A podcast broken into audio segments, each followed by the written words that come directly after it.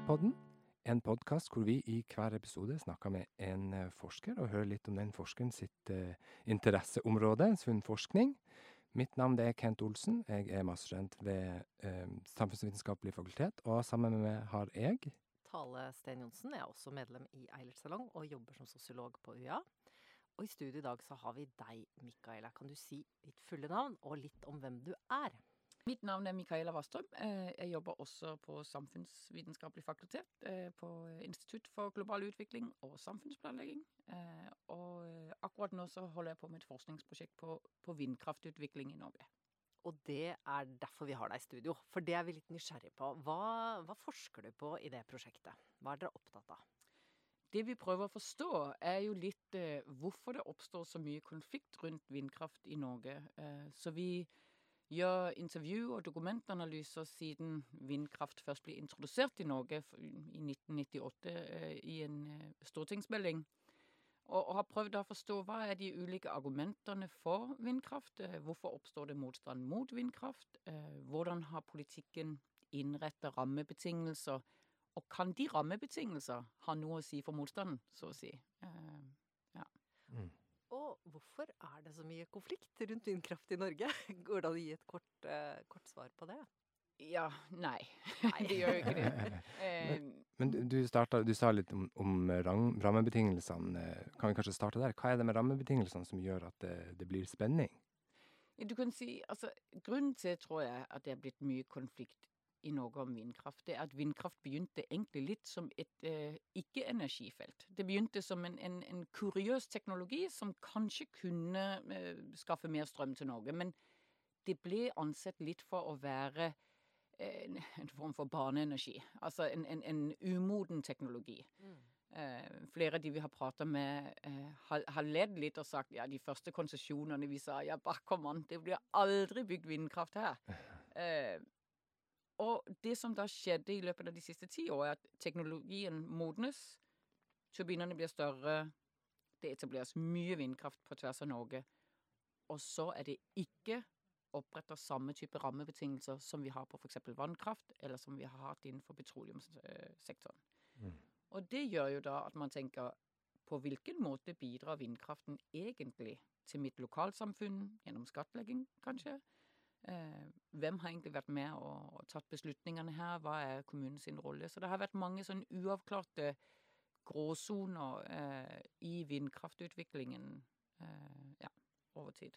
Fordi motstanden er mye Det er lokalsamfunn som ikke vil ha disse vindmøllene på plass. Er det riktig forstått da? Både òg. Du kan si I begynnelsen av vindkraftutviklingen i Norge, hvor det var veldig veldig eh, sein utvikling i Norge eh, noe blir av mange beskrevet som en sånn eh, laggard, altså veldig eh, slow developer. Eh. Da var det selvfølgelig lo lokalsamfunn som protesterte. Men det vi har sett siden 2017-2018, det er jo at motstanden i lokalsamfunnene har på en måte evnet å bygge bro mellom lokalsamfunn. Altså en form for bridging between several level identities. Og plutselig handler den lokale motstanden ikke bare om mitt sted og de naturødeleggelsene som skjer her, men i solidaritet med alle andre vindkraftsteder i Norge, mm. så har det bygd seg sammen en sånn nasjonal protestbevegelse, som ja. vi jo har sett. Og det er ganske unikt. Eh, det er historiske paralleller. Alta-aksjonen Alta på 70-tallet, ikke sant. Men, men den lokale motstanden har på en måte evnet å mobilisere så mange eh, aktører i Norge at det er blitt en form for sosial bevegelse, kan man si. Og eh, Du må gjerne rette meg hvis det er feil, men er det ikke sånn at man faktisk har klart å stoppe litt av disse konsesjonsprosessene? I hvert fall utsatt en del av nye konsesjoner nå pga. denne folkemotstanden? Eh, både ja og nei. Altså, du ja. kan si at eh, i 2018, hvor man så mange nye konsesjoner ble gitt. Mange vindkraftprosjekter begynte å bli etablert. Det var mye utbygging. Altså, Norge hadde høyest, fjerde høyest utbygging i verden mm. i 2020. Mm. Bare eh, overgått av USA, Brasil og Kina, liksom. Ja. Så vi var et utrolig mye eh, vindkraftutbygging. De protester, eller, protestene Og den farten på utbyggingen fikk jo regjeringen til å si vi har behov for en nasjonal ramme, så vi kan styre litt mer. Hvor skal vindkraften komme i Norge? Eh, I forbindelse med den så sa man vi før den er på plass, og fordi at det har vært mye lokal protest, så setter vi konsesjonene på pause. Ja. Og det er et ganske drastisk politisk Mhm. tiltak å ta. Å si jøss, nå går det så det suser, her bygger vi vindkraft som bare det. Og det er det man har ville gjerne gjøre. Du kan jo si politikken fungerte plutselig. man ville ha vindkraft, det fungerte. Så så man kimen til motstand. Så sa man nå setter vi alt på pause. Og den pausen er jo fortsatt i dag. Ja. Så den, de har ikke gjenopptatt konsesjonsbehandlingene på vindkraft. Nettopp på grunn altså massive nasjonale protester. Men hva er det med Norge? For jeg har ikke fanget opp, eh, og vi har jo snakket litt tidligere også, at det, det er ikke like stor motstand i f.eks. Danmark. Eh, Stemmer det, eller? Eh, Eller er det likt overalt? Er, altså Vindkraft er en av de typer fornybar energi som har skapt store konflikter. Fordi at det er jo store inngrep i landskapet. Eh, og det er vis, veldig visuell både eh, Altså eh, landskapskonsekvenser eh, og, og også lyd. Og selvfølgelig biodiversitet. Altså fugl og ulike arter som eh, naturmangfolden eh, får, får konsekvenser for. Men i Norge er det kanskje særlig det her, de her inngrep i naturen og forståelsen av natur i Norge, og forståelsen av sted i Norge. Mm. Og ikke minst den her dype, skal du kalle det nasjonal identitet, som også knytter til rettigheter, som vi har i forbindelse med allemannsretten, som gjør at, som en i, i intervjuet sa, alle sted er noens hjerteknaus Ja. i Norge. ikke sant? Så noen prøver å fremlegge at i Norge så har vi jo uendelig mye plass og areal til å, bruke, til å kunne utnytte vindressursene. Andre vil si i Norge har vi mm, utrolig mye friluftsliv som tar i bruk hele landet. Mm. Og det har kanskje gjort at uansett hvor du prøver å stille disse vindturbinene, så vil det jo være noen som vil protestere, og det vil være eh, store land, eh, landskapsinngrep. Så dette er litt annerledes enn en i andre land? Altså motstanden er eh, Ja, jeg tror nok motstanden iallfall arter seg annerledes. Iallfall ser vi at det med naturinngrep og landskap og, og den identiteten som ligger knytta til det, kanskje er sterkere her, fordi at vi har så stort kulturelt eierskap mm. til landskapet. Men i Danmark er det også veldig store konflikter. Vi, I Norge så har vi det med å forstå det som det her Marguerite- Marguerite-landet, og vi kjører forbi, og det er veldig hyggelig med de her vindmøllene. Men de vindmøllene vi så den gangen, de var jo lokalt eid. De hadde jo community ownership. De hadde jo eh, gjerne et sånn andelslaug. Og de som eide møllene, da var det krav om at de skulle bo innenfor en viss radius. Riktig. I de senere 10-15 år så har det skjedd det samme i Danmark som i Norge. Mm. Store utenlandskapital og nasjonal kapital er kommet inn for å utvikle eh, vindturbiner i mye, og mye større eh, turbinområder, altså industriområder. Og det har også skapt eh, store konflikter i Danmark. Ja. Eh, så det er ikke en, et eventyr, vindeventyr i Danmark heller. Nei, men det er viktig, viktig presisering. Vi tror jo ofte vi er litt unike. Ja. Kanskje, kanskje ikke så mye som vi, vi liker å tro. Nei. Men ja, er det noe som du på en måte brenner for i denne forskningen? En forsker skal jo betrakte verden og prøve å beskrive den og forstå den og sånn, men er det noe som, noen verdier du har opparbeidet deg, eller som du har når du forsker på dette? Noe du tror på? Noe du mener er viktig? Altså som, som samfunnsforsker eller eh, samfunnsvitenskapelig perspektiv på verden, så mener jeg jo at en av våre fremste, skal man si, eh, formål eller eh, Det vi bør brenne for, er jo å studere og, og analysere og tolke verden, men også gjennom å gi en, hva skal man si, en, en, et kritisk refleksjon av den verden. Vi må jo påpeke ting som ikke fungerer, og det handler jo sikkert om at jeg er vokst opp med en sånn litt kritisk teoretisk eh, bakgrunn. Så jeg mener jo at mm, en av de ting som, som vi i vårt forskningsprosjekt må sette fokus på, er å forstå hva er det som politikken ikke svarer på i dag? Altså på hvilken måte er det at konfliktene viser oss utfordringer i samfunnet som ikke er adressert? Mm. Og akkurat nå så jobber vi mye med altså, perspektivet på rettferdighet. da. Ja. Og det er et voksende felt innenfor både grønne omstillinger og energi. Altså energy justice er et stort voksende felt. Og jeg mener det å bruke rettferdighetsbegrepet til å forstå f.eks. For energiutbygging er noe av det viktigste jeg kan bringe inn i debatten i Norge. Så det å være med på å eh, holde foredrag til brukergrupper, politikere, er, er kjempeviktig. Det å, holde, det å, bruke min forskning inn i forelesninger til studenter er kjempeviktig. Få skrevet en kronikk eller det er, jo, det er, jo, en måte vi også kan sette vår avtrykk i et politikkfelt. Eh, og ikke bare akademiske publiseringer, mm. som det kanskje ikke er så mange som leser. Nei, det, det vet vi jo. Men eh, hva, når du bruker det der justice-blikket, eller brillene, på dette mm. feltet, hva ser du da egentlig? Hva er det som, eh, Hvilke grupper er det som ikke høres, høres og blir innlemmet på en som, god måte? Og som ikke fordeles. Altså for Energy Just-begrepet hjelper oss litt med å lage en sånn prisme hvor de sier det handler jo egentlig om hvem anerkjennes overhodet som verdige aktører når vi snakker om energiutvikling. Mm. Så det er sånn anerkjennelsesrettferdighet. Mm. Og ofte kan det nettopp være marginaliserte grupper eh, som ikke høres. Men man kan jo også snakke om the more than human. Altså kanskje at naturen ikke anerkjennes i, eh, i denne debatten. ikke sant? Eller hvor er naturens stemme?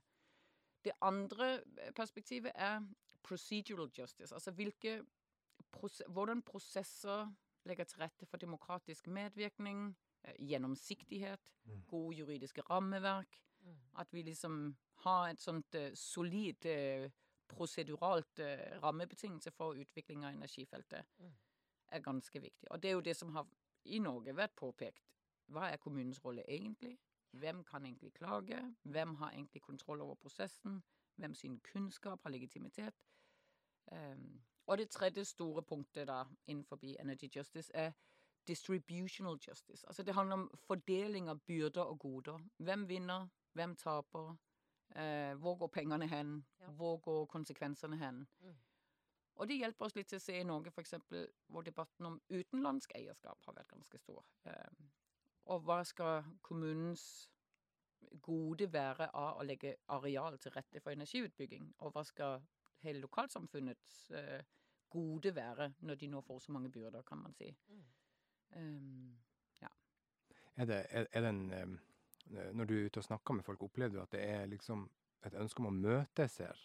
Eh, både fra utbyggers side, men også fra lokalsamfunnet. Altså, eller eh, kanskje det blir spørsmålet Er lokalsamfunnene villige til å få eh, denne kraftutbygginga i sine nærområder dersom de føler at de sitter noe igjen med det? Det er et veldig godt spørsmål. Og det er også det vi har spurt veldig mange av våre eh, I de lokalsamfunnene vi har vært ute og gjort intervju, har vi spurt nettopp om det. Eh, for det er jo bevegelser i norsk politikk nå som sier vi bør ha bedre rammeverk for skatt. Mm. Eh, og vi bør ha bedre rammeverk for deltakelse lokalt. Det noen av motstanderne sier, det er at det handler jo ikke bare om økonomi til lokalsamfunnet, men som en sa det, han sa hvis jeg, hadde, hvis jeg hadde følt på at det var et nasjonalt behov for energiutbygging, sånn som i begynnelsen av 90-tallet og 60-tallet, altså behov for energi for å bygge velferdsstat, så hadde jeg kanskje tenkt vær så god. Mm. Men akkurat nå så føles det som at elektronene forsvinner i kabler til Europa, og det samme gjør pengestrømmen. Eh, mm. Så hvorfor skulle mitt lokalområde ha vindkraft? Det henger jo ikke sammen med noe av det jeg forstår som samfunnsoppbyggende. Mm. Andre sier jo, eh, noen politikere, at selvfølgelig, hvis det hadde vært en større tilbakeføring altså gjennom skatt, sånn som mm. man kjenner for vannkraft, mm. så er det klart, så hadde det jo underbygd skole, eldreomsorg Altså mange offentlige tjenester. Mm. Eh, og da hadde man kanskje forstått selve møllene på en annen måte. Altså hvis man hadde sett på de møllene og sett de bevege seg i vinden og tenkt det finansierer den nye svømmehallen, det finansierer min sønns mm. skole, det mm. finansierer min mors uh, eldresenter. Mm. Så hadde man kanskje forstått de annerledes enn når man nå tenker det finansierer pensjonsfond i Sveits eller mm. Frankrike. Ja. Mm. Ja. Så det er noe med de fordelingsmekanismene som Men det er ikke det eneste. Nei. selvfølgelig. Nei. Det er mer komplisert. Altså, jeg lurer på en ting, og dette er kanskje, kanskje det er litt på sida av den forskninga du har gjort, men, men jeg syns egentlig det er et litt interessant eh, spørsmål. Har vi behov for den energien? Det er det mange svar på. Ja, der ser du. God tid har vi. ja, ikke Ja. sant? Men altså det NVE, altså Norges vassdrags- og energidirektorat, og Statnett, som liksom er de som kontrollerer flyten av energi, eh, og Statkraft, har litt ulike beregninger. Men sånn kraftberegninger framover viser at det er behov for 30-40 terawatt. Ja. I dag produserer vi rundt 150. Mm. Og det eh, Det er ulike scenarioer for det. For hva vil skje med grønn industri? Hva vil skje med energieffektivisering? Hvor mye kan vi hente ut av å oppgradere eksisterende vannkraft? Da, da regner de rundt 5-10 terawatt. Så de fleste peker på at det er behov for å bygge ut mer energi i Norge. Og det er ikke lagt opp til mer vann, eh, altså vannkraft. For det beslaglegger jo også enorme områder. Og Mm. har store konsekvenser for hele vannsystemet. Mm. Altså fisk og ja. Ja. Mm. Så ja. Eh, de fleste teknologiske forskere er enige om at det er et kraftbehov. Mm. Men dette her virker jo utrolig aktuelt, spesielt rett etter en valgkamp og store diskusjoner om fremtidens energi og sånn. Hva vil du si eh, rører seg akkurat nå i det feltet du, du forsker på? Og jeg er glad for at du stiller det spørsmålet. Eh, akkurat nå er vi jo våkna opp de siste ti dagene til utrolig mye diskusjon om strømpriser. Ja. Mm. Og det er jo også en type rettferdighet. ikke sant? Energy poverty, eller som, som også altså fattigdom for energi. Og, og vi ser store norske industriaktører, Norsk Hydro eh, og også eh, altså LO, som avkrever den nye regjeringens svar på kraftutbygging. Og avkrever at konsesjonsprosessene på vindkraft blir gjenetablert, Mm. fordi at Norge krever mer energi. Og nå går argumentet Det er liksom en revitalisering av vindkraftdebatten, for nå går argumentene jo på det grønne industrielle skiftet i Norge. Trenger grønn energi for konkurransekraft. Hvis vi skal ha en batterifabrikk i Arendal, hvis vi skal ha hydrogen i Kvinesdal, Mm. så er det ikke nok energi vi har i Agder i dag. Nei. Og på Vestlandet har de jo regnet ut at altså, regionens energibehov er mye større enn de har i dag. Mm. Så det blir utrolig spennende å se hvordan nye argumentasjoner, og kanskje nye rammebetingelsene, vil endre vindkraftdebatten i Norge i dag. Eh, At det blir sett som en ny type industribygging etter olja. Um, Men tror du frontene blir like polariserte, altså i og med at vi nå har et felles behov eh, i samfunnet? Folk kanskje, disse som protesterer lokalt, merker kanskje økt strømpris på kroppen. Altså, tror du vi får bevegelse i disse frontene som har vært, eller? Ja, det, det, jeg tror iallfall at det vil bli noen andre typer fronter. Jeg tror fortsatt det vil være konflikt. For det er klart at vindkraft har jo et stort avtrykk. Ja. Arealavtrykk uansett. Men det er klart at hvis vindkraften plutselig har en forbindelse til etablering av fabrikker med arbeidsplasser Ja. og velferd, velferdssamfunnet, Mm. og det er bedre skattebetingelser og bedre prosessuelle eh, altså prosesser, så vil kanskje ikke konfliktene iallfall bli like polariserte Mm. eh, og like ugjennomtrengelige. Ikke sant? Så det blir veldig spennende å følge de neste åra. Du kommer til å være opptatt du fremover. Ja. Hører jeg. Ja. Er det noe mer vi lurer på, Kent? Eller har vi ikke egentlig fått en utrolig god eh, sånn, eh, øyeblikksbilde av denne forskningen og problemfeltet, syns du? Ja, altså det er sikkert masse mer vi lurer på, men, eh, men jeg tror dette var en veldig god start. Og så får vi heller tygge litt på om vi kanskje skal følge dette opp. Det må vi se på. Ja. Ja, det hadde vært morsomt. Ja. Ja. Takk skal du ha for at du kom, Micaela. Ja, men tusen takk for at jeg kunne få lov å snakke om den forskningen jeg er så opptatt av. Ja, Så bra. Lykke til. Tusen takk. Takk eh, også til deg som eh, hørte på. Eh, vi i Eilert-podden er straks tilbake, og i neste episode har vi med oss professor emeritt Espen Ester Pirelli Benestad, som skal snakke med oss om sin forskning på kjønn og kjønnsidentitet. På gjenhør!